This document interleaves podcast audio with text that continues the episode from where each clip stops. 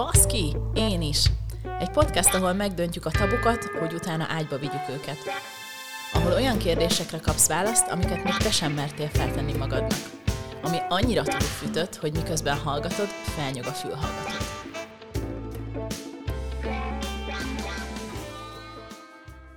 A lollipop.hu a negyedik évadban állandó támogatónk, ezért minden rendelésnél 10% kedvezményt kaptok a Baszki 10 kuponkóddal. Sziasztok, Vica vagyok, ez pedig a Baszkén is podcastnek az új része, és az Intim Tornáról fogunk ma beszélgetni, Gottlieb Ildikó a vendégem, az Intim Medical Akadémiától, és nagyon örültem, amikor elvállalta, hogy, hogy eljön hozzám vendégnek, mert hát kb. ilyen fél éve foglalkoztat engem ez az egész Intim Torna téma, akkor volt egy ilyen nagyon csúnya, köhögős megbetegedésem, vagy Covid, vagy nem, és hát előfordult egy-egy nagyobb köhögésnél, hogy hát nem jutottam el a WC-ig, amikor pisilni kellett, és akkor így elgondolkodtam, hogy jó, vagy nagyon beteg vagyok, vagy megöregettem, vagy valami van, de hogy így úgy tűnik, hogy ez a téma így feljött, és ezzel foglalkozni kell. Aztán hál' Isten elmúlt a köhögés, elmúltak ezek a tünetek, de azóta nem hagyott ez engem nyugodni. Szembe jöttek különböző ö, szexshopokban mindenféle opciók is, ugye ezeknek a különböző izmoknak a fejlesztésére, és akkor így álltam, hogy jó, de ez megint egy olyan téma, amihez én baromira nem értek, úgyhogy lehet, hogy kéne valakit keresni, aki meg igen. És akkor így jött Ildikó, úgyhogy nagyon-nagyon köszi, hogy jöttél. Szia! Szervusztok, köszönöm a meghívást, örülök, hogy itt lehetek veletek, és beszélgetünk erről az intim témáról. Igen, én nagyon vártam már ezt a, ezt a felvételt, mert, mert tényleg most mindenről kikérdezlek. Jó. És remélem, hogy ez nagyon hasznos lesz a, a hallgatóinknak előjáróban azt szerintem fontos, hogy ugye nem csak arról fogunk beszélgetni, amikor van valami gond, hanem arról is fogunk beszélgetni, hogy preventív, mit érdemes tenni a témában, meg arról is fogunk beszélgetni, hogy egyáltalán a mindennapok során akkor is, hogyha semmiféle tünet és semmi probléma nincs, ez akkor is tud javítani az életminőségen, hogyha foglalkozunk az intim tornával.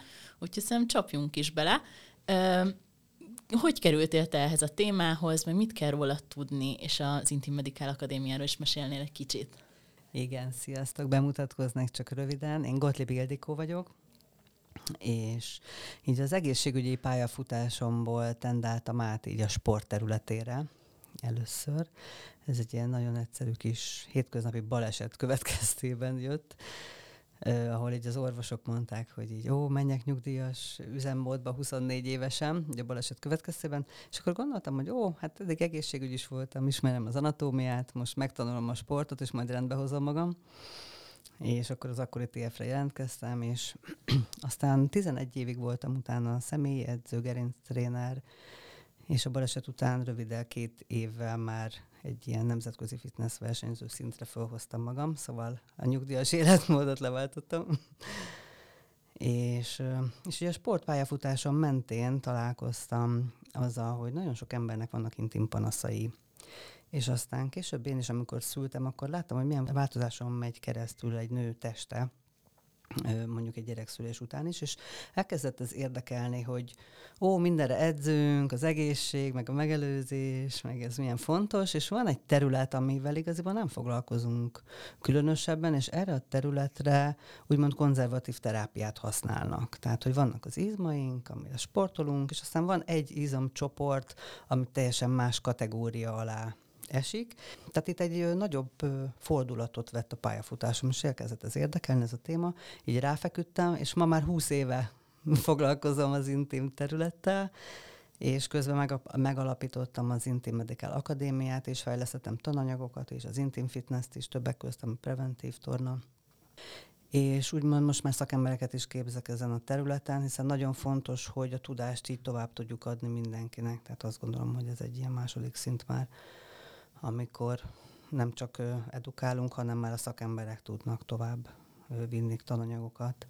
Mennyire elterjedt egyébként ez a szakterület Magyarországon? Hmm, ez nagyon szűk körben mozog, hiszen ez egy terápiás közeg, úgyhogy ö, elég kevés ember foglalkozik vele sajnos, de ugye viszont sok panasz van, sok probléma van az embereknek az intim régiójában, Úgyhogy igaziból örülnék, ha minél több tréner jelentkezne, és minél uh-huh. többen szeretnének ezzel a területtel foglalkozni, és így szakmájukat kiegészíteni ezzel a témával. Uh-huh.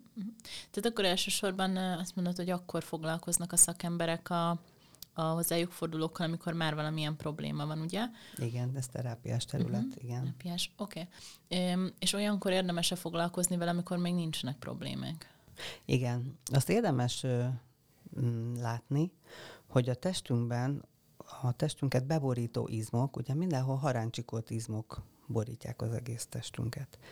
És van egy terület, ahol ez a haráncsikott izom, ugye maga a gátizom, ez sokkal fajsúlyosabb témát ölel át. Amíg mondjuk a farizmunk meggyengül, addig csak maximum esztétikai dolog lehet, hogy kicsit laposabb a fenekünk, vagy ha gyenge a bicepsünk, nem bírjuk el a bevásárlószatyrot, de hogyha a gátizmaink meggyengülnek, akkor itt rögtön a medicinából már bekapcsolódik több terület. Ilyen az urológia, a nőgyógyászat, a proktológia, ez ugye a végbegyógyászat, az andrológia, ami a fiúgyógyászat, és a szexológia is, és még a reumatológia is. Tehát, hogy ez az izom sokkal fajsúlyosabb. Mm, érdemes tudni róla, hogy ez az egyedüli egy vízszintesen elhelyezkedő izomlemez a testünkben, tehát minden haráncsikot izom függőleges lefutású, és ez így rögtön meg is mutatja azt, hogy ha vízszintesen helyezkedik el valami, ugye teljesen másképp kapja a terheléseket. Tehát ennek köszönhető az, hogy a gátizomzat sokkal könnyebben, hamarabb meggyengül, és különféle tüneteket produkálhat. Hmm. Amit egyébként orvosi ö, szempontból úgy hívnak, hogy szégyen tünetek, mert olyan érzeteket produkál, tehát olyan tünetei lehetnek. Hm.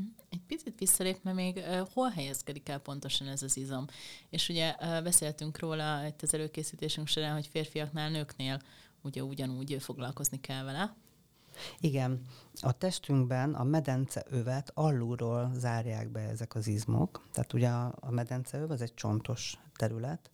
Ugye a csontos részek mindig védenek valamilyen életfontosságot, ugye a koponyánkban az agyat, a mákosban a szívet, és a medencében ugye a szaporító szerveket, de alulról a testünk úgymond nyitva van.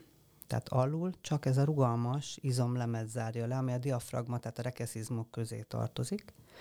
Azt kell tudni, hogy ez férfiaknál, nőknél egyformán helyezkedik el, tehát anatómiailag ugyanúgy hívják a benne levő izmokat nőknél és férfiaknál, ugyanaz az elnevezése.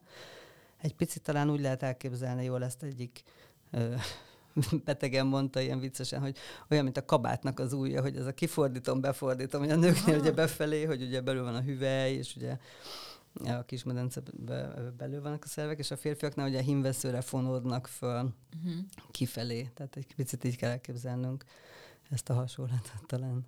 Szuper. És akkor miért fontos ez, hogy már akkor foglalkozzunk vele, amikor mondjuk még nincs tünet? Ez egy érdekes ö, ö, gondolkodás. Nekem is egyébként így a prevenció az, ami így a szívemhez közel álló terület. Pont azért, pont azért jött fel ez Igen. nekem, mert hogy volt, volt egy időszakos problémám, uh-huh. ami aztán elmúlt, de hát ezen kezdtem el gondolkodni, hogy jó, akkor hogyha most ez történt, akkor lehet, hogy egy, egy gyerekszülésnél, vagy, egy, vagy ahogy idősebb leszek, vagy történhet más olyan bármilyen trauma akár a testemmel, ami hatással lehet akár erre. Tehát így elkezdett mozgolódni bennem, hogy jó, lehet, hogy, lehet, hogy prevencióval igen foglalkozni kéne.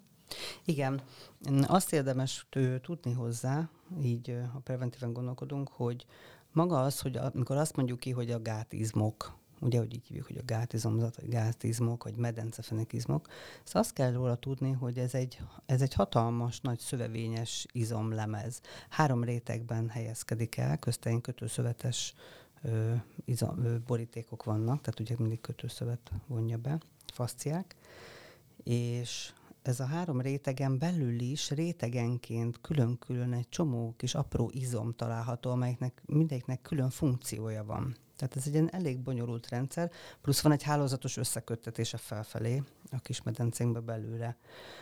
Úgyhogy nem egy izomról beszélünk, hanem egy, egy izomcsoportról.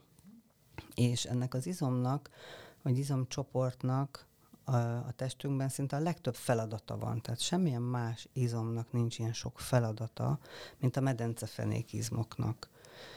Ez egy ilyen tartó szerkezet, ami alul lezárja így a csontos medencénket, és van egy ilyen nagyon komoly tartó funkciója. Tehát minden például, amit fölemelünk, vagy köhögés, tüsszentés, emelés, cipelés, ugye minden egy hasűri nyomásfokozódással jár. És ez a hasüli nyomásfokozódás ugye automatikusan a gravitációnak megfelelően rátevődik a gátizmokra. Tehát, hogy ő az, ami megtart dolgokat. Akkor van egy támasztó funkciója is, a kismedencei szerveknek a rögzítésében vesz részt tehát a helyben tartásában vesz részt. Ez egy nagyon fontos funkció, hiszen hogyha megnyengül, ugye a kismedencei szervek elindulnak lefelé a testünkben. Van egy záró funkció, egy nyitó záró funkciója, tehát ezek közé, a haráncsikott izmok közé bekapcsolódnak ilyen körkörös gyűrűs izmok, amit szfinktereknek hívnak, ugye ez a végbél területén, végbél záróizom, és a húcsőben is ez van, tehát a húcső záróizom. Ezek mind, mert magában a haráncsikót izomnak a tulajdonsága, hogy az ilyen teherbíró, tehát hogy nagyobb terheket el tud hordozni, de viszont ilyen pici nyílásokat nem tud bezárni, tehát hogy élettanilag ugye nem tudja ezeket, és ezért ugye a szfinkterek végzik ezt, tehát ide kapcsolódnak. Ez a gyűrű záróizmokban mindig van egy ilyen záró nyomás, tehát hogy ugye ami fönt van vizelet széklet, hogy ne tudjon spontán ürülni, ugye ezeket megtartja. Tehát ezek egy nyitó-záró funkció. Az is egy érdekessége, még azt csak ide csatolnám, hogy a legtöbb beidegzés itt található. Tehát ugye itt van az akaratlagos beidegzés, a szimpatikus és a paraszimpatikus. Erről Tehát, mesélsz hogy... egy kicsit, hogy ezek mit jelentenek? ja, ez a, az ürítéseknél, az ürítési reflex, a vizetürítés, szégletürítésnél például ezek ilyen nagyon bonyolult folyamatok amúgy az agyban. Úgyhogy Ö, így a funkciókba tovább menve egy nagyon érdekes funkció van még, ami energetikai funkció, ezt a keleti kultúrákban már nagyon korán felfedezték, hogy a gátizomzat az egy energiapumpa. Tehát, hogyha most nem csak arról kezdünk beszélgetni, hogy ó, igen, az inkontinencia, hogy a hapcizásnál bepisilés, vagy egy aranyér, tehát ugye nem a medikál területre elvezünk, hanem megnézzük ezt az energetikai funkciót, akkor ez egy, ez egy baromi jó terület, hiszen ez egy energiapumpa, tehát hogyha az ember megtanulja e- edzeni ezeket az izmokat, és megtanul ebben dolgozni, akkor ilyen szédületes jó vérkeringés lehet a testben, és energiaáramlás. Tehát a keleti kultúrákban ugye erre használták, mint ugye az energiafejlesztése, tehát ezt érezték, hogy itt ez ilyen nagyon brutál jó energetikai funkcióval bír ez az izomzat, tehát, hogy ők végül is nem az arany, nem aranyére edzettek régen. A kínaiak, a kínai császár. ugye van is egy titkos szex leckék, amik ugye a, az energetizálás, a hosszú távú ugye a potencia megtartás, a fogamzóképesség fokozása, tehát ugye ez erről szólt, mint nőknél, mint férfiaknál, és ami nagyon lényeges, ugye maga ez a vérkeringés, tehát a kismedence vérkeringés az egy ilyen szenzációs dolog, az egész testet átmelegíti, felhangolja, tehát igazából Úgyhogy ha a medikáról lejövünk, akkor inkább ezt mondanám, hogy preventíven ezt érdemes, ezt a funkcióját kihasználni, hogy annyira jól vitalizálja, energetizálja a testet, hogyha edzi így ezeket az intimizmokat rendszeresen, nagyon szédületes, jó kisugárzás lehet tőle ö, kapni. Egyébként most eszembe jut erről, amit mondtál, hogy Sillei Györgyivel volt néhány epizódunk már, és ő mondta azt, hogy, hogy a vérkeringésnek mekkora szerepe van uh-huh. abban, hogy a szexuális életünk örömteli, meg kielégítő legyen, mert hogyha mondjuk a végtagjaink tiszta hidegek, és, uh-huh. és úgy érezzük, hogy mindjárt szétfagyunk, akkor valószínűleg nem érdemes nekiállni még szexelni abban a pillanatban, hanem, hanem pont, pont ezt mondta, hogy ezeket a, ezeket a bemelegítéseket, ami vérkeringés, serkentést, akár összefüggve ugye itt az energetikai dolgokkal, amiket mondtál, hogy ezt kell beindítani először, és utána történhetnek jó dolgok. Igen. A vérkeringés szerintem a kulcsa az egésznek. Mert hogyha most ilyen medikál szempontból nézzük, hogy oké, okay, mire jó a gátizomtorna, jó, gátizomtorna a gátizom gyengeségből adódó panaszokra jó, de igaziból a gátizomtornának az a zsenialitása pont, amit mondtunk, ez az energetika, meg a vérkeringés, ami aztán olyan szinten kihat az egész testre, hogy az összes ilyen pszichoszomatikus problémát, amit hogy mind a nők, mind a férfiak a kismedence területére szomatizálnak nagyon sok lelki problémát. És ugye ebből alakul ki egy csomó ugye fizikai panasz, és ha nem csak most egy végbélzáróműzemre gondolunk, hogy oké, okay, puki megtartás, hanem arra, hogy ennek a tornájával mennyire jól föl lehet hangolni az egész testet, és mennyire jól lehet használni ezt az energetikai, ugye a gyökércsakra, szexcsakra működése, ez mind a gátizommal függ össze, hogyha valaki esetleg ezt ismeri, vagy foglalkozik, és van. Úgyhogy ha így komplexen nézzük, hogy megfelelő légzőgyakorlatokkal, elongáció, nyújtó gyakorlatokkal, mobilizáló gyakorlatokkal és a gátizomnak speciális gyakorlataival nagyon jól lehet frissen tartani a szervezetet, a potenciált, a jó érzéseket, és ki lehet söpörni ezeket a pszichoszomatikus problémákat. Tehát, hogy ez abszolút erről szól, hogy, hogy ez egy nagyon jó használható így rendszeresen, ez a kis torna. Oké, és hogyha ha nem preventív dolgokról beszélünk már, hanem kicsit tovább megyünk, mondjuk vannak kisebb tünetei valakinek, akkor ezek általában mik, meg erről mit kell tudni, meg általában a tünetekről mit kell tudni? Azt érdemes tudni, hogy a gátizomzat hamar jelzi az erővesztését. Tehát, hogy hogy a köztudatban talán az van, hogy ó, én majd ráérek edzeni, hogy a nagymama leszek, vagy valami idősebb hölgy, vagy férfi, vagy nem tudom, hogy idős bácsi leszek, vagy ugye a fiúk gondolhatják de ezt látnunk kell az életmódunkat. Tehát, hogy a mai világban ugye az ülő munka, székrekedés, tehát egy csomó olyan rizikófaktor van az életünkben, ami a gátizmok gyengességét idézi elő, és, e, a gátizmok nagyon korán jelzik ezt különféle tünetekkel. Az orvosi gyakorlatban két részre osztják ezt, két csoportra. Az egyiket úgy hívják, hogy elsőfokú tünetek, a másodikat úgy, hogy másodfokú tünetek, de ezek nem követik így egymást ebben a sorrendben, ezek csak így a funkciót tekintve használják.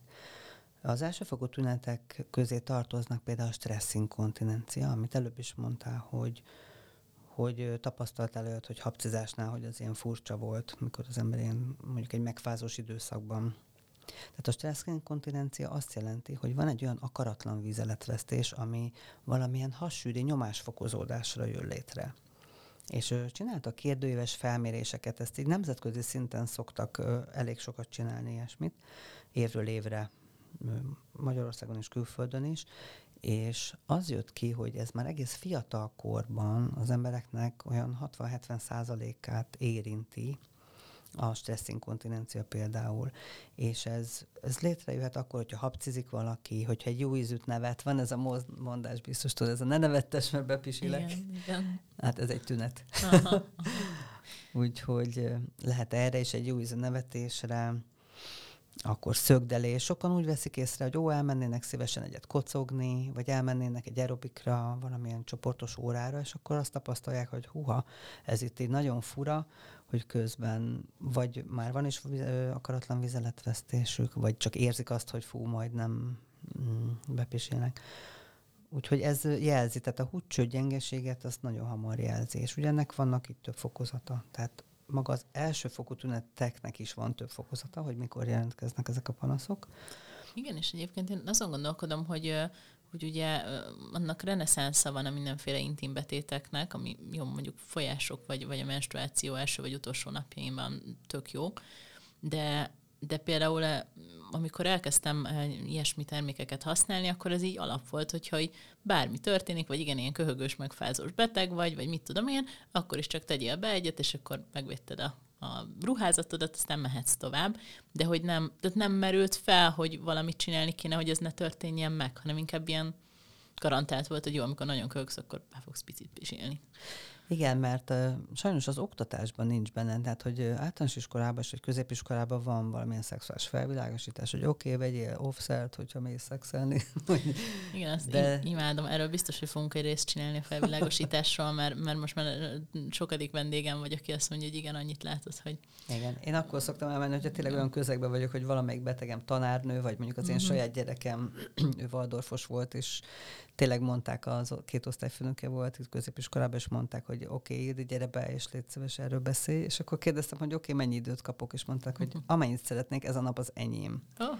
Tehát, hogy annyira nyitottak voltak rá itt a Waldorfba, középiskolába, és tényleg teljesen bőségesen tudtunk a gyerekeknek erről beszélni, hogy mi hol van, mi hogy néz ki, milyen tünetek vannak, milyen rizikófaktorok, mire kell figyelni. És már ennyi elég lenne ahhoz, hogy az ember ugye felismerje, hogy oké, okay, ezzel foglalkoznak-e, ha jelzett, hiszen ezek nagyon hamar visszatornázhatók.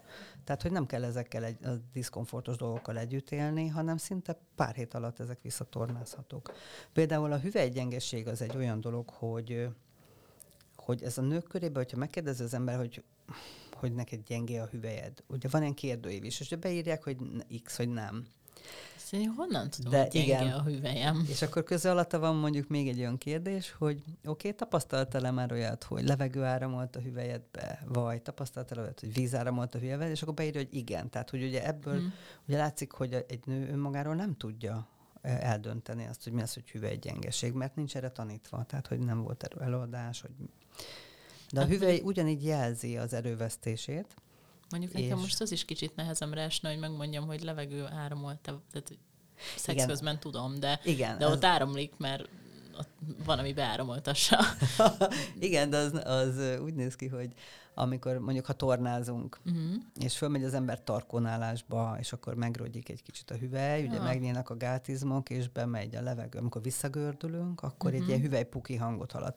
Na de azért valljuk be, hogy hány ember megy föl tarkónálásba, mondjuk se hány. Rit, ritkán, Igen, ritkán, ritka. bár a múltkor ijesztegetett vele az edző, hogy lesz itt még kézenállás, úgyhogy...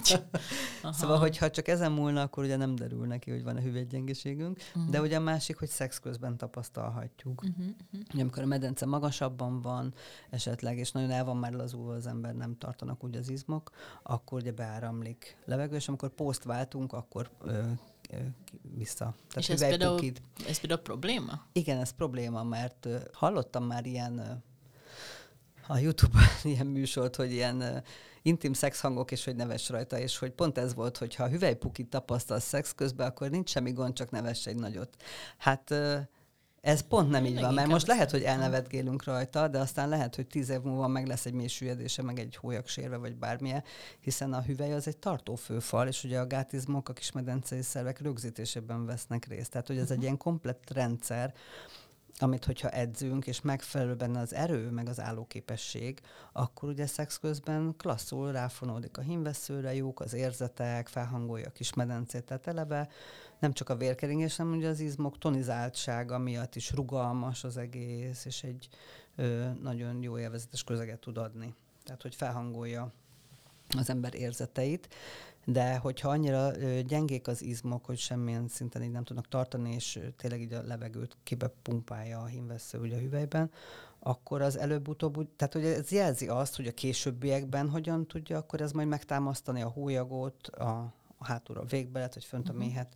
Ugye ez egy ilyen komplex rendszer, minden kismedencei szerv neki fekszik a hüvelyfalnak. Ugye az előső hüvelyfalra ráfekszik a húgyhólyag, meg a húgycső, a hátsó hüvelyfalra ráfekszik a végbél, ugye fölül van ugye a mészáj, uh-huh. meg a métes, tehát hogy ez egy ilyen komplex rendszer, egy ilyen rugalmas rögzítettségű rendszer, hogy a szalagok is rögzítik ö, bent a szerveket. Nézzük, mi az, amiről fel lehet még ismerni, hogy hogyan jelez a hüvely, hogyha meggyengül. Tehát, hogy ez az egyik a hüvelypuki, amit előbb, amiről előbb beszéltünk. És a másik tünete az is, hogyha elmegy az ember egy uszodába, vagy egy wellnessezni, egy melegvizes fürdőbe, akkor ott gyakran tapasztalják a hölgyek, hogy a hüvelybe víz áramlik be. És amikor kijönnek a fürdőből, akkor ez nem annyira komfortos, hogy érzik, hogy kifolyik még a lábukon a víz. És gyakran azért nem járnak wellnessezni, vagy úszodába, mert utána különféle hüvelyfertőzés problémáik vannak. Uh-huh. Tehát, hogy felborulhat a hüvelynek a flórája, hogyha beáramlik oda ezekből a vizekből. Ez egy zárt rendszer, tehát, hogy oda se víz, se levegő nem jó, hogyha bejut. Ugye ezért kell edzeni a, a gátizmokat, uh-huh. hogy megfelelően tartsanak ezek az izmok, tehát, hogy ez zárva tudjon maradni. Hát igen, és azért, hogyha belegondolok, hogy egy termálvízben mondjuk, uh-huh. ahol egyébként is, tehát maga a víz is olyan minőségű, és még fertőtlenítve is talán van, meg még ugye 100 millió másik ember volt ugyanabban uh-huh. a vízben közben, nem hangzik egészségesnek, hogyha... Igen, és megy. gyakran ezért kerülik is, aki már tapasztalt ilyet, de ugye megint csak visszacsatolnám, hogyha edzi az ember ezeket az izmokat, akkor ezt teljesen el lehet kerülni, uh-huh. hogy beáramoljon víz a hüvelyben tehát így is észre lehet venni. És a következő, amiről észre lehet venni a hüvelygyengeséget még, hogyha nem túl intenzív a hüvelyben a szexuális érzet. Tehát, hogyha gyengébb a, az orgazmus érzete, vagy nem megfelelő erősségű az orgazmus érzete, mert hogyha gyengék a gátizmok, akkor nem tart rendesen ez a rendszer, tehát hogy annyira kitágul az egész, hogy csökkennek az érzetek, tehát nem tud megfelelően ráfonódni jól a hüvely a hímvesszőre. Most azon gondolkodom, hogy ez csak hüvely orgazmusnál, vagy csiklóorgazmusnál, vagy, vagy milyen, uh-huh. milyen helyzetben lehet ez, mert ezt el tudom képzelni, hogy valakinek mondjuk egy csiklóorgazmusa nagyon erős, uh-huh. és akkor amikor meg a hüvei úton próbálkoznak, mondjuk akkor lehet, hogy emiatt akár nem, nem jön össze. Ugye ezt azért elég gyakran olvasom a, a hallgatóktól is visszajelzésekből, hogy, hogy kevesebb a, a hüvei orgazmus megtapasztaló hallgatónk. Igen.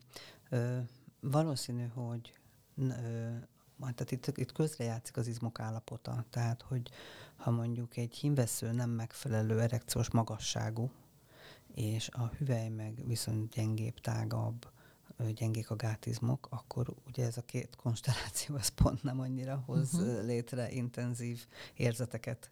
Tehát, hogy majd mindjárt beszélünk a fiúkról is, ugye, hogy ezért érdemes a fiúknak is edzeni ezeket a gátizmait, és a, a nőknek szintén. És itt most ketté választanám, ugye az egyik a vérkeringés, amit beszéltünk, a másik pedig az izmokban levő erő és állóképesség főleg. Tehát, hogy mind a két konstelláció mm. jó ilyenkor. Egyrészt az izmoknak a jó állóképessége és ereje, másrészt pedig a jó vérkeringés, tehát a többi orgazmusnál pedig a vérkeringés az, ami számít. Mm. Jó, és nézzük meg tovább, hogy milyen tüneteket tapasztalhatunk még a a harmadik nyílásunk ugye volt a húcső, hogy hogy jelez a hüvely, hogyan tud jelezni, ha meggyengül, és a végbe záró izom is tud jelezni. Ugye az nagyon egyszerű módon, hogy nehéz a szél megtartása. Tehát a pukit nehéz megtartani, ö, szorítani kell nagyon, vagy elszökik. Ez már jelzi, hogy ugye gyengül a, annak az ánuszfinkternek az ereje. És ez később fokozódik, mert később a széklet megtartása is nehéz lehet. Ugye ez is több fokozatban jelentkezik uh-huh. ennek a, a tünet sorozata. Mm, van egy érdekes visszajelzés, nekem például az egyik osztálytársam, ő proktológus orvos, és ő szokta mondani, hogy hát így a 16 éves lányok mennek széklettartási problémákkal elég sűrűn, hm. és ugye a szülő meg nem érti, hogy mi történik a kislányjal, hogy bekakil, és ő nagyon kellemetlen, hát orvosként ugye mit mondjon ilyenkor, közben ugye hát látszik, vagy kiderült, hogy ugye a kislány az análszexnél, hogy ugye a fiataloknál nagyon gyakori az, hogy csak análszexre használják ugye a végbezáróizmot, hogy a hüvelyben nem szexelnek. És ez gyakori? Igen, ezt az orvosok így visszajelzik, hogy ez így nagyon gyakori, igen. Miért? De viszont nem tudják. Hát azért, mert akkor nem esik teherbe, ja. még szűz marad, meg nem is kap el túl öreg vagyok. Igen, Na nekem Istenem. is egy kicsit ilyen sokkoló volt, hogy okay. egész fiatal tinédzserek az análszexet használják. Már hogy ez nem probléma, csak a gyakorisága, meg hogy csak azt, és csak ilyen gyakori módon, hogy már uh-huh. ugye mhm. annyira kitágul az ánuszfinktere, hogy már szeklettartási problémája van tőle. Igen, szerintem érik egyébként egy mm. adás nálunk az anális szexről. Most már, most már sokat szóra jön elő. Igen, szóval, mm-hmm. hogy ö, minden lehet finom, meg jó, de tudni kell, hogy ö, hogyan kell azt így karban tartani utána. Uh-huh. Tehát az izmoknak kell tornáztatás. Tehát, hogy amit használunk, azt oké, okay, valamit elhasználunk, azt vissza kell tornáztatni. Uh-huh. De ugye a fiatalok még ugye ezt nem tudják, és akkor így azért elég súlyos tünetek alakulnak ki viszonylag korán már. A másik meg ugye regulál a beidegzés a végbélzáróizomnál, és ugye azt is eléggé roncsolja, hogyha ilyen intenzíven használják, hogy már ilyen jellegű tágulás van. És hogyha anális szex nélkül vannak ilyen tünetek? Anális szex nélkül ez nagyon lassan alakul ki. Uh-huh. Tehát, hogy az inkább életmód függvénye, hogy ülőmunka, székre, krónikus székrekedés, tehát, hogy körülbelül ilyennél alakul ki, vagy van még esetleg még egy kis kötőszöveti gyengeség hozzá, tehát a széltartási probléma, vagy nagyobb hasügyi nyomásfokozódás, tehát az intenzív sportolóknál konditeremben mindenki szép izmos, és bepukizik. Uh-huh, uh-huh, uh-huh. szóval, hogy ott azért a, az a nyomásfokozódás azért az gyengíti a szfinktereket. Tehát, hogy azért mindenképp jó tornáztatni.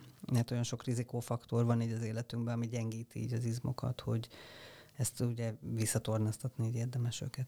Uh-huh. Nézzük meg, hogy mik az előre haladottabb tünetek, mert ezek ugye az elsőfokú tünetek, amikor úgymond a nyitó-záró funkció, tehát valami valahol csurog, csöpög, hüvelypuki, de hogyha nagyobb mértékű a gátizmok gyengesége, és megnyúlnak a szalagok, tehát a rögzítő tartó szerkezet, ami olyan, mint egy lengéscsillapító, akkor a szervek, a kismedencei szervek elindulnak lefelé, egymásba fordulnak, és elkezdenek lefelé csúszni.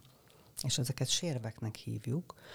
Az a nagyon nagy hátulütője ennek, hogy ez eleinte ö, nem okoz különösebb problémát, csak ilyen diszkomfort érzetet És ezért ezt itt szeretném nagyon kiemelni, ugye, hogy a prevencióról beszéltünk, hogy azért kell főleg edzeni a gátizmokat, hogy oké, okay, hogy jó érzésünk van, energia, vérkeringés, fitség, de érdemes tudni arról, hogy a hüvely, mint tartó főfal, ahogy előbb mondtuk, és neki támaszkodnak hátulról, előről szervek.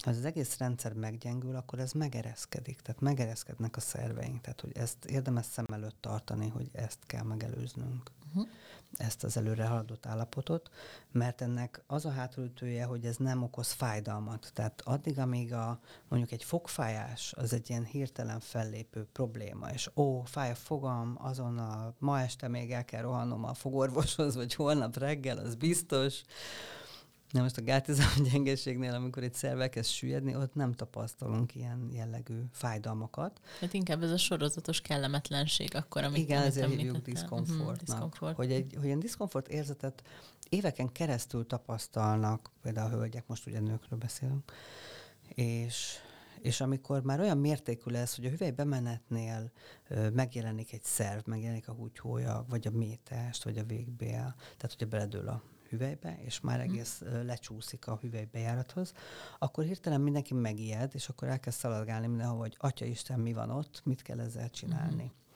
És akkor mondjuk elmegy orvoshoz, és akkor kiderül, hogy hát ezt már meg kéne operálni. Mm-hmm. És akkor elkezd nézelődni az interneten, és akkor jön rá, hogy fú, hát erre van egy torna, hogy tényleg, hogy az intim torna, az ezt megelőzi. Tehát ez ára való, hogy, uh-huh hogy a szerveinket a helyünkön tart, tehát a helyén tartsuk a szerveinket, ugye ezt tornáztatni kell. És, és tényleg azt látom, mert a weboldalon is, a, hogyha megnéztük a, a Google Analytiket, hogy ugye mit keresnek az emberek, hát tényleg mindig a, a mélysüllyedés, a hólyaksérv, a végbélsérv, tehát csak ezeket az előre haladott tüneteket, tehát hogy addig az ember csak halogatja, meg nem ismeri úgy föl, hogy tényleg ezt érdemes tornáztatni, amíg egy nagyobb probléma elő nem kerül. És az előzményekben mindig azt szerepel, hogy általában egy ilyen kettő és négy év, tehát nagyjából, hogy ó, négy évvel ezelőtt már tapasztalta azt, hogy uh-huh. tehát különféle diszkomfort érzeteket, de eltelik egy-két év, és olyan mértékben le tudnak süllyedni ezek a szervek tényleg, amik nagyon-nagyon rontja az életminőséget már. Uh-huh. És itt például a, úgy hívják az egyiket, hogy sérv, tehát az előső hüvelyfal is sérv, ami ugye az előső hüvelyfalba fekszik bele, az a húgyhólyag, ez a sérv, lehet húgycsősérv is, ugye megtörik ilyenkor alul a húgycső. Az is beledől. Fentről ugye a mélytest tud megsüllyedni, hogy ezek a mély süllyedés egészen ki tud bújni, tehát mi előreesésig, és hátulról pedig a végbél belefekszik. Tehát akkor ezt az emberek általában tapintásra veszik észre, hogy valami, valami nem, nem uh-huh. működik jól, meg akkor maradnak ezek a különféle kis ezek húzó a különféle jellegű. diszkomfort tünetek. Igen, Aha. idegen testérzet lehet a hüvelyben, amikor elfárad már délután. És akkor előfordulhat, hogy mondjuk, hogy nőgyógyászati vizsgálatnál például a, az orvos akár szól, hogy, hogy lát valamit, ami nem nincs rendben talán? Mm. Hát általában, mivel hogy a nőgyógyásznál fekszik az illető, Aha. ezért nem annyira jól adja ki magát. Kevés nőgyógyász vizsgálja meg úgy a, a hölgyeket, hogy áva. Mert uh-huh. ugye ezt mhm. valójában áva lehet jól uh megmondani, hogy milyen stádiumú. Uh-huh. Uh-huh, uh-huh. Tehát, hogy aki állva is megvizsgálja. Uh-huh. Ö, nekem szerencsére most már vannak szülésznőgyógyász női ö, trénereim, tehát női szülésznőgyógyászok, ők például állva is megvizsgálják a hölgyeket, mert nagyon jól tudják, hogy a szervsüllyedéseket állva lehet a legjobban. Uh-huh és, és örülök is, hogy, hogy elkezdtek jönni így már orvosok is, meg rezidensek elvégezni az intim tornát, hiszen ők is látják, hogy így a, a tornával kiegészítve a nőknek az életét sokkal jobban mm, helyre lehet tenni dolgokat, mint az, hogy már műtéti úton beavatkozni. Tehát, hogy mindenképp ez a, ez a járható út, úgymond, ami kellemes. De most beszéltünk a tünetekről a nők vonatkozásában. Mesélsz egy picit arról, hogy a férfiaknál milyen tünetek vannak? Igen, természetesen. Köszönöm a kérdést. Emlékeztek, hogy beszéltünk róla, hogy a fiúknál ugyanígy helyezkednek el az izmok, és sőt, még ugyanezek a nevei is az izmoknak, csak ugye funkcionálisan más a, a férfiaknak a felépítése. És itt azt kell tudni, hogy ezek a, a gátizmok befonják a barlangos testeket, tehát a barlangos testekre fölfutnak alulról, És ugye a fiúknál is ugyanúgy középen ott a gyökércsakra, tehát az energiaközpontok, tehát hogy egy ilyen nagyon klassz izmos terület van ott lent, és a férfiaknál meghatározza például a merevedés magasságát. Tehát nem a vérrel telítettségét a hímveszőnél, hanem a merevedés magasságát, hogy mennyire tud felhúzni az izom közel, ugye az hímveszőt mennyire húzza közel a hasfalhoz. Ezt izmok szabályozzák, hogyha tele van vérrel, ugye a hímveszőnek van egy súlya. Tehát, hogyha a gátizmok jó állapotban vannak, akkor az közel tudja húzni. Ez nagyon fontos azért, mert a, a női hüvelyorgazmus elérésénél fontos, hogy milyen szögben áll a hímvesző. Hogyha nagyon hajlik ide-oda, akkor ugye kevésbé ö, tud orgazmust okozni a hölgynek a hüvelyébe, mint hogyha jó feszesen áll, keményen, akkor ugye könnyebb rajta mozogni is a női testnek. Úgyhogy ö, meghatározza még a sperma kilövelést is, a sperma kilövelés erejét. Ugye a fiúk szeretik azt, hogy ó, lelövik -e a csillárt. Mm-hmm. Tehát, hogy milyen az ereje, vagy éppen, hogy csak úgy elfolyik, csak úgy kibugyog kicsit, vagy pedig tényleg van benne jó kis erő. Ezt ugye mind izmok szabályozzák. Akkor ugye a, test, a férfi testben legalul helyezkedik el a prostata, a nagy híres prostata. a fiúk mindig csak akkor tudják, hogy van valami probléma vele, mm. addig nem számít, hogy van prostata csak amikor már valami círegés van. Ja, most azt kell, azt kell tudni, hogy mivel legalul van, ezért a vérkeringésen nagyon rossz, főleg ugye a fiúk többsége ülő munkát végez, mert vagy irodába ül, vagy autóban ül, és ugye így a, a kismedencei vérkeringés az nem túl jó. Uh-huh. És ugye legalul ül a kis szegény prostata, rajta van minden az égvilágon, de viszont az a jó benne, hogy a prostatát körbeölelik a gátizmok, tehát hogy van egy olyan része, úgy hívják, hogy levátolt prostaté, ez a prostata emelőizom, tehát hogyha tornáztatjuk, akkor ugye a, a prostata egy mirigyes szerv, tehát hogy rendbe lehet rakni ezzel a tornával. Ugye nagyon fontos, hogy jól tudjon ürülni a mhm. prostata, uh-huh. ugye a mirigyek közül, hogy a váladék ki tudjon rendesen ürülni. Tehát, hogy nagyon befolyásolja a prostata egészségét is, és ugyanúgy a végbélzáróizomnál is, mint hogy a hölgyeknél van, hogy hogy puki megtartás az ugyanúgy a fiúknál is, és az aranyér is ide tartozik. Tehát mind nőknél, mind férfiaknál. Ugye az aranyér egy kötőszöveti gyengeség, de a gátizom gyengeség elsőfogú tüneteihez kap, ö, tartozik ugyanígy. Tehát ugyanúgy tapasztalható esetleg.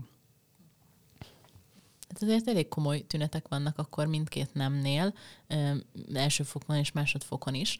És azon gondolkodom, hogy a korai magömléssel lehet ez összefüggésben például?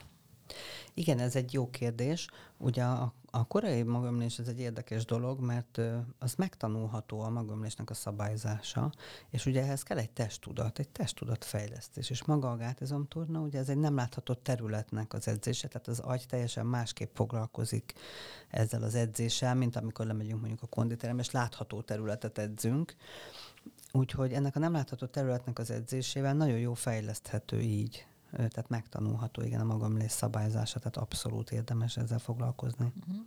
Ez nagyon izgalmas, mert akkor nekem úgy hangzik, hogy van egy csomó olyan lelki vetület, ami akkor összefüggésben lehet az intim tornával, és akár ezekre is segítően hathat, mert, mert mindaz, amit elmondtál, tehát a különböző megtartással kapcsolatos problémák, vagy a magamléssel kapcsolatos probléma, vagy az orgazmus tudok-e, nem tudok-e okozni, ezek ezek rengeteg olyan, olyan szituációban előjöhetnek, ahol mondjuk teljesíteni szeretnénk, vagy csinosak, jók szeretnénk lenni, és akkor néha nem megy.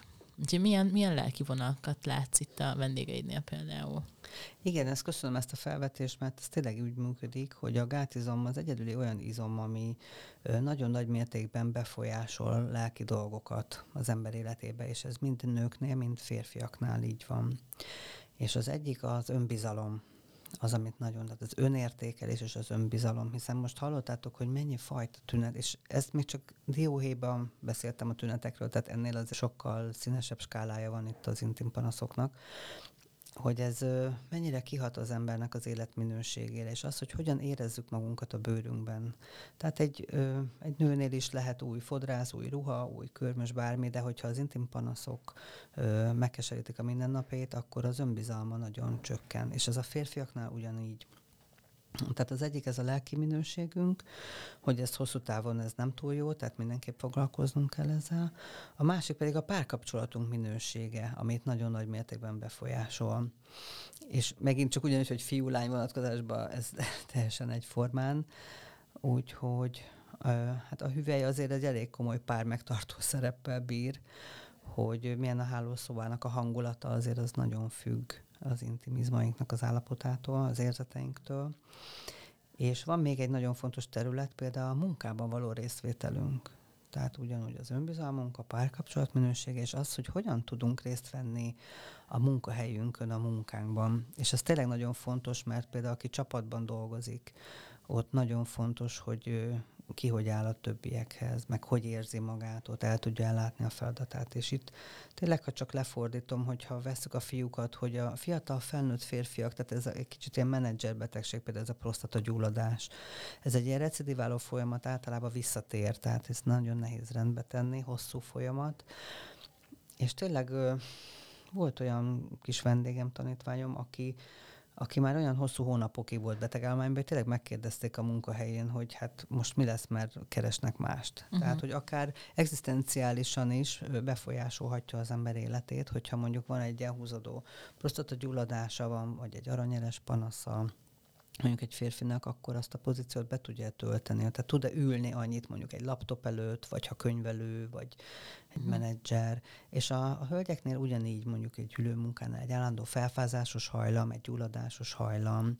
Tehát itt most nem csak a hapcizásra gondolok az inkontinenciára, hanem van számos egyéb ö, olyan betegség, ami ö, nagyon meghatározza, hogy részt tudunk-e venni a munkába, vagy meddig vagyunk betegállományba, vagy akár ö, különféle, főleg a proktológiai problémák, ez a végbélgyógyászat, uh-huh. hogyha mondjuk valakinek van egy végbél tájogja, vagy egy komolyabb berepedése, hogy ezek nagyon lassan gyógyuló folyamatok, és ezzel hónapokig nem tud elmenni dolgozni, hiszen nem tud rajta ülni.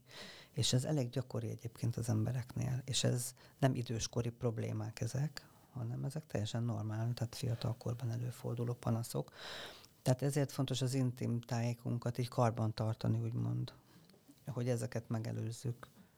Mm, most azok alapján, amiket mondasz, meg a, a saját egyébként tudatlanságomra alapozva itt a beszélgetésünk előtt, én azt gondolom, hogy hogy valószínűleg nagyon sok a hiányosságunk ebben a témában. Egyáltalán ugye azt mondtuk, hogy nem feltétlenül ismerjük fel a panaszokat, de de hiába láttam én egy csomó mondjuk újságcikket, vagy blogbejegyzést, vagy ilyeneket intim torna témában, ilyen jellegű részleteket én ezekben nem szoktam olvasni. Tehát inkább arról szóltak, ami, legalább jó, nyilván most nekem van egy ilyen, ilyen szemellenzőm, ami a szexre van fókuszálva itt a podcast kapcsán, de, de inkább olyan szempontból hallottam róla, hogy ha már nagyon nagy bajod van, akkor használd, vagy hogyha sokkal jobb szexet akarsz, akkor használd, és akkor van ez a pár dolog, amit nem tudom, állsz a busz megállóban, akkor szorítgassad, és attól jobb lesz.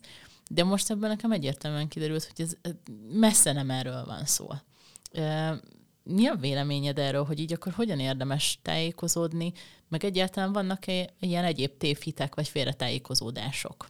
Uh-huh. Azt köszönöm ezt a kérdést, ez egy nagyon fontos terület, hiszen az emberek zöme, hogyha hall is a tornáról, először úgy vettem észre, hogy kísérletezni szokott, hogy elkezd az interneten olvasgatni, vagy ugye hát régebben még nem volt internet újságokban, és még a mai napig számtalan helyen lehet olvasni, interneten és újságokban is, hogy azt gondolják, hogy a gátizomtorna az egy ilyen nagyon egyszerű dolog, hogy ó, csak így ülsz a kocsiba, és akkor nyugodtan szorítgasd a kis izémizékédet közbe, vagy amíg várakozol a busz megállóba, valahol a háldogálsz sorba, addig csak úgy szorítgass. De ugye az embereknek nem nyilvánvaló ez a mit kell csinálni éppen, meg hogy szorítok, meg mit szorítok, meg mit érzek, meg mi ez az egész. Tehát, hogy ez az egyik hogy ugye nincs tudatosítva, hogy mit és hogyan kell csinálni. Uh-huh. A másik pedig az, hogy ezekben a testhelyzetekben, ezeket úgy hívjuk, hogy terhelt testhelyzetek. Ezekben a testhelyzetekben ugye a kismedencei szervek nyomják egymást. És a másik az, hogy függőlegesen van minden, tehát, hogy az altesti vénákban ilyenkor felpumpáljuk így a vénákat, és egy ilyen vénás többlet lesz. Tehát egy ilyen függőleges testhelyzetben való össze-vissza szorítgatás, az általában a meglévő panaszokat fokozni fogja, tehát uh-huh. hogy mhm. felelősíti, vagy esetleg még új problémákat hoz elő. Tehát ez egyedül egy dologra nagyon jó, hogyha valaki szeretne egy aranyeret, akkor az biztos, hogy fog tőle kapni egy két hónap múlva mondjuk körülbelül. Úgyhogy azt kikak... Ez ijesztő. Szépen kikakil egy nagy aranyeret, és akkor arra rájön, hogy ú, ez az intintón, hogy milyen vacak dolog.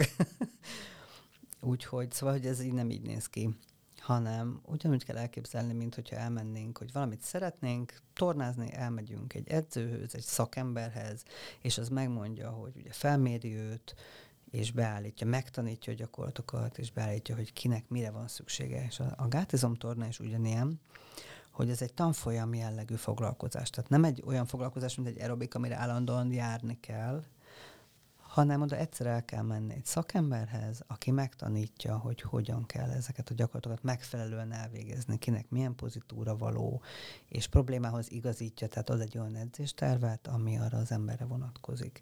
Ezt egyszer érdemes így meglépni, és utána már otthon mindenki tudja gyakorolni a személyes edzés programját. Tehát, hogy ennyit érdemes befektetni magunkban mindenképp, hogy ez egy örök tudás, tehát egy örökre szóló tudás, amit kapunk egy ilyen tanfolyamon, de annyira sok hibás mozgásforma van itt a nem látható területen, úgyhogy azért nagyon fontos, hogy a szakember tanítsa meg azt, hogy mi a szabályos és mi a helyes mozgás, és hogy milyen pózban kell lesz, és milyen fajta gyakorlatok vannak egyáltalán. Ezt elmesél egy picit, hogy hogy néz ki egy ilyen első alkalom, mondjuk, mondjuk amikor valaki elmegy hozzá. Tehát itt most el kell elmesélni, hogy mi történik vele, vagy, vagy te megvizsgálod, vagy, vagy mi történik ilyenkor? nem, nem, nem. Ez egy tanfolyam, ahogy mondtam és tehát, hogy több órát tölt el, van egy pici elméleti rész, tehát, hogy lássa a, a résztvevő, hogy oké, okay, mi ez a gátizomzat, tehát ilyen kis prezentáció, mi hol van, mi hogy néz ki, hogy a szervek elhelyezkedése, az izmok elhelyezkedése, milyen tünetek, ugye akkor ismeri meg, hogy ó, itt még mennyi minden van, nagyon fontos megismerni, hogy milyen rizikófaktorok vannak az életünkben, amik gyengítik a gátizmainkat, hiszen önmagában egy pusztán csak a torna, az csak egy része ennek. A másik része az, hogy az ember felfedezze a rizikófaktorait, és azokat próbálja áthangolni. Ez nagyon fontos. Hogy mondjuk van tíz rizikófaktora, ami ide vezetett, akkor nem mindig csak azt a tíz rizikófaktort tornáztassa, hanem hogy próbálja, hogy mondjuk egy krónikus székrekedése van, és nem tudja kiüríteni a székletét, mert gyengék a, a, a benti izmai, nincs elég propúziós erő, tehát akkor rendezze ugye a táplálkozását, a mozgását, tehát hogy egy, egy ilyen kis életmód áthangolás kell uh-huh. hozzá. Az ülőmunkánál ugye hogyan ülünk, mi a helyes testtartás, hogy nem ugye görnyet háttal nyomjuk a szerveinket egymásra. Tehát, hogy ezeket mind ugye megtanítjuk a vendégeknek így a, a helyes életmódot, és akkor ők szépen, ahogy elkezdenek tornázni majd otthon, szépen így az életmódjukat is, hogy iszunk elég folyadékot, nem tartogatjuk a, a pisilést, tehát hogy elmegyünk időbe vizeletet türíteni, mert ugye ezek a, a vizeletürítéssel kapcsolatos problémák, ezek általában vannak, hogy nem isznak elég folyadékot, tartogatják ugye a vizeletüket, és ugye ez rontja a szfinkterek működését, kitágul a húgyhólyag, romlik a hólyagbeidegzés, plusz lehet tőle kapni vesemedence gyulladást, mert fölfelé is ö, hat. Tehát, hogy ezeket mind megtanítjuk. Aztán a tanfolyamon megtanulja különféle pozitúrákba felépítve a gyakorlatot, tehát megtanulja a megfelelő gátizom gyakorlatokat. Mindig van közte szünet, tehát pisilünk, egy kis szendvics. És akkor ilyenkor meséled el nekik, hogy, mert ugye azt mondtad az elején, hogy hogy kvázi személyre kell szabni uh-huh. ezt a, a dolgot, és akkor el, megmutatod nekik azt, hogy amennyiben mondjuk ezen az áll, ebben az állapotban van, vagy ezen a szinten, akkor ezeket a gyakorlatokat kell csinálni, ha akkor, akkor meg úgy, ha férfi ezt, ha nő azt, vagy ez hogy, a, hogy lesz személyre szabva? Értem. A gyakorlatoknak a, a felépítése, tehát úgy van a tematika, hogy ugye lépésről lépésre hangoljuk rá az agyat, mert ugye gyakorlatilag a koordinációt kell megtanulni és ugye annak megvan a megfelelő módja, hogy egy nem látható területet hogyan tud az agy koordinálni, tehát ezre megfelelő rávezető gyakorlatok vannak, mm. pozitúrák vannak. Ez egy folyamat, inkább úgy mondanám. Tehát a koordináció kialakítás egy folyamat, ami mindenki így átmegy. De értelemszerűen annyira lehet egyére szabni ott is, hogy ki az, aki esetleg idősebb, vagy műtét után jött, vagy, tehát, hogy, vagy kismama, hogy ez teljesen más egy szülésre felkészítés, vagy egy szülés utáni állapot. De nagyjából a nem látható területnek a koordinálása, ugye maga a tanfolyamnak ez a, a lényeg, hogy azt megtanulja. és ugye a vendég az kérdőívet tölt ki, amiben részletesen a, a panaszairól tud írni, meg előtte én mindig egy személyes, vagy személyes konzultációt, vagy telefonos konzultációt, hogy mivel érkezik hozzám. És akkor ugye ennek megfelelően van kialakítva, úgymond az edzésterve, amit otthon fog edzeni.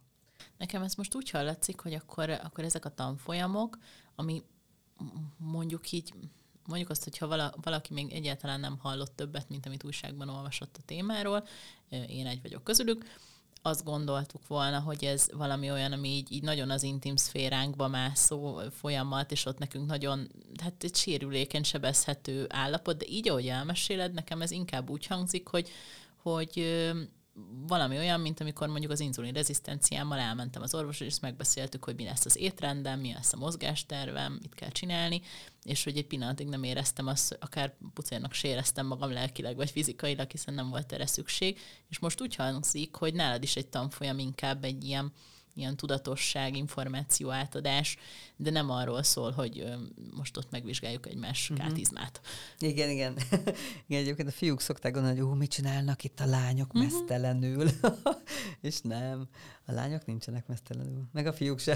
Szóval mindenki ruhába van. Én szeretem az egyéni praxist, tehát teljesen egyére szabni meg a kis csoportos foglalkozás, tehát hogy nem tartok nagy fős, nagy csoportos foglalkozás pont az intimitása miatt, hogy nem kell senkinek beszélni a problémájáról, tehát egyedül velem osztja meg. De mindenki úgy jön, hogy mint a preventíven jönnénk, egy torna, ez egy fontos dolog, megtanuljuk, és aztán mindenki egyéni programot kap. Tehát abszolút. Én szeretem a vegyes csoportokat, tehát hogy a fiúk, lányok együtt vannak, és akkor lehet viccelni, meg közösen tényleg van kávézás, szünetek, beszélgetés, egy jó érzés. Tehát, hogy senki nem úgy néz oda, hogy úristen, itt biztos mindenki bekakil, vagy bepis. szóval, hogy nem ilyen terápiás jelleg. Tehát ez így nem jön elő, hogy ez itt így olyanok járnának oda. Hát igen, mert akkor nem is kell megosztani semmit ezek szerint a, az embernek a saját tüneteivel másokkal. Aha. Igen, úgyhogy teljesen ilyen oldott, ilyen kellemes uh-huh. légkörben, mintha egy ilyen önfejlesztő programra elmegyünk, egy önismereti tréningre, tehát ez ugyanolyan, hiszen ugye belső nem látott területen tanuljuk a koordinációt, a mozgást, egy kifejezetten egy ilyen agyműködés serkentő egyébként az egész. Én imádom, azt hittem, hogy ez lesz az, az epizód, ahol az ön, önismeret nem fog előjönni, és de, van egy, most már, most már tényleg mindig javaslom a hallgatóimnak, hogy ívós játékot csináljanak abból, amikor jön az önismeret szó nálunk, úgyhogy tök jó. Na, örülök, hogy most is, és nem nekem kellett mondani. Nagyon szuper. Jó, hát akkor így, így néz ki egy tanfolyam, ez, ez abszolút barátságosnak tűnik. Van-e még olyan, olyan tévhit feltételezés, vagy bármi, amit még úgy el szoktál oszlatni a, a hozzád fordulóktól, vagy érdemes akár másképp gondolkodni róla? Hmm, én azt látom, hogy egy picit ez ilyen hárított, halogatott dolog ez az intim torna az emberek életében. Még ha valaki meg is ismeri ezt, hogy ó, tényleg van ilyen, mert a környezetében valaki járt ilyenen, vagy látott valahol kiírva ilyen tanfolyamat, hogy mivel most látjátok, hogy nincs semmi olyan, hogy most valaki sérül itt az intimitásába, vagy azt hiszik róla, hogy beteg, vagy nem tudom én, tehát hogy úgymond ez nem egy bepisílős torna, mert egy kicsit így erre szoktak gondolni, hogy ó, oh, biztos ott valami betegség, oda, olyanok mennek oda.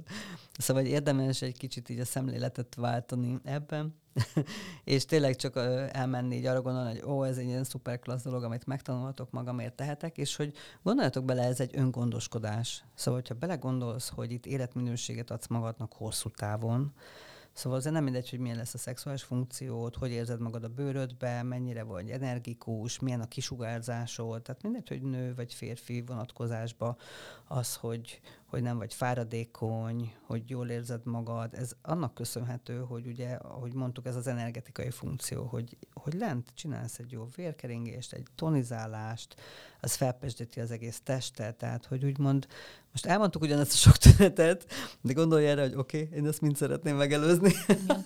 Hát meg talán az, hogy nem akarod, hogy folyton benne legyen a fejedben egy-egy szituációban, hogy jó, most elmegyek mondjuk aerobikra, és akkor na bármikor becsurokat. Tehát, hogy nem, nem, ezt az ember nem akarja magának. Tehát abszolút egy olyanra kell gondolni, hogy egy kicsit így megpesdül az ember élete, egy kis szint hoz bele, és egyébként pároknak is ajánlom, mert hogyha valaki uh-huh. párba jön, abszolút színesíti a párkapcsolatot. Tehát, hogyha mit meg akarja lepni a, a, a párját valaki egy valami kis kellemes ajándékkal, akkor érdemes egy ilyen programra eljönni, tehát abszolút színesíti, mert ugye közösen tanulják a gyakorlatokat, van házi feladat, van egyéni program, tehát egy kicsit egy ilyen huncutkodásba bele lehet otthon már menni. Én csak mondom, bármelyik párom elvihet rá. ha, ha, ha ideig eljutottak meghallgatni ezt az epizódot. Úgyhogy én szerintem mindenképp színesíti így az a, a szólóknak is az életét, tehát az mm. egyéni életünket egy azért látni, hogy akinek a jó kisugárzása van, hogy jól érzi magát a bőrébe, azok a hölgyek azért ott tudják oda lent, hogy mi újság van, hogy hogy kell ott valami jól, tényleg rendesen tornázni, tehát nem ez a össze-vissza valamit ott szorítgatunk, hanem hogy egy igazi klassz edzésprogram oda lent, és a fiúknál úgy szintén, tehát hogy, hogy érdemes elé menni itt a problémáknak azért. És még az érdekelne engem, hogy például ezt az adást is a lollipop.hu szexshop támogatta, és náluk lehet vásárolni különböző gésagolyókat, kégelgolyókat, hasonló dolgokat, amik ugye az intim tornát hivatottak támogatni. Neked erről mi a véleményed, meg mit kell tudni ezeknek így a használatáról? Nagyon jó a kérdés, igen, ezek nagyon klassz kis huncut eszközök. Azt érdemes tudni, hogy ha egészségesek vagyunk, tehát alul nincs mindenféle szervsüllyedés problémánk, tehát hogy egészséges gátizomzattal, kismedencével, és hogyha megtanultuk először az intim tornát, tehát tudjuk a, a gátizma koordinációját már megtanított a szakember, akkor utána érdemes kis huncutságra használni ezeket. Tehát, hogy úgymond egy objektívvá teszi a gyakorlásunkat ez az eszköz. De mindenképp érdemes először tudni, hogy mit és hogyan kell vele azt megtanulni. Utána nagyon jó lehet. Uh-huh. Nagyon szuper, köszönöm szépen. Uh, no, hogyha a hallgatók szeretnének téged elérni, meg érdekli őket mondjuk akár a tanfolyam, vagy az egyéni tanácsadás, amit nálad el lehet érni, akkor ugye az Intim Medical Akadémia weboldalán érnek el elsősorban. Van-e még más felület, vagy bármi, ahol kereshetnek? Igen, az intimmedical.hu az, ami a weboldalunk, és ott fent van egy sok érdekes cikk még ebbe a témába, tehát van egy magazin része, úgyhogy lehet olvasgatni is, és lehet nyugodtan kérdezni e-mailben. Uh-huh, nagyon szuper. Hát akkor én bátorítalak titeket, hogy mindenképpen tájékozódjatok a témában. Én most egészen meg vagyok róla győződve, hogy Ildikó engem meg fog találni valamelyik tanfolyamának a közeljövőben, jövőben. Nagyon izgalmas volt ez a beszélgetés, köszönöm szépen, hogy eljöttél. Köszönöm a meghívást. És eh, hogyha nektek pedig tetszett az epizód, akkor eh, nagyon köszönöm, hogyha öt csillaggal értékeltek, mert eh, akkor ugye kicsit előrébb kerül a, a Vaszkén is podcast a lejátszókon, és akkor többekhez eljutnak mondjuk ilyen értékes információk, amikről ma beszélgettünk. És ha szeretnétek tovább beszélgetni, akkor gyertek be a Facebook csoportba, iratkozzatok fel a hírlevélre, és mindenféle felületen kövessetek minket. Most már YouTube-on is megtaláljátok az adásokat, és különböző videós tartalmakat is készítünk most már oda, úgyhogy ott is érdemes feliratkozni. Nagyon szépen köszönöm, hogy meghallgattatok. Én Vica voltam. Én pedig a Gottlieb Ildikó. Sziasztok! A mai epizódot a lollipop.hu támogatta.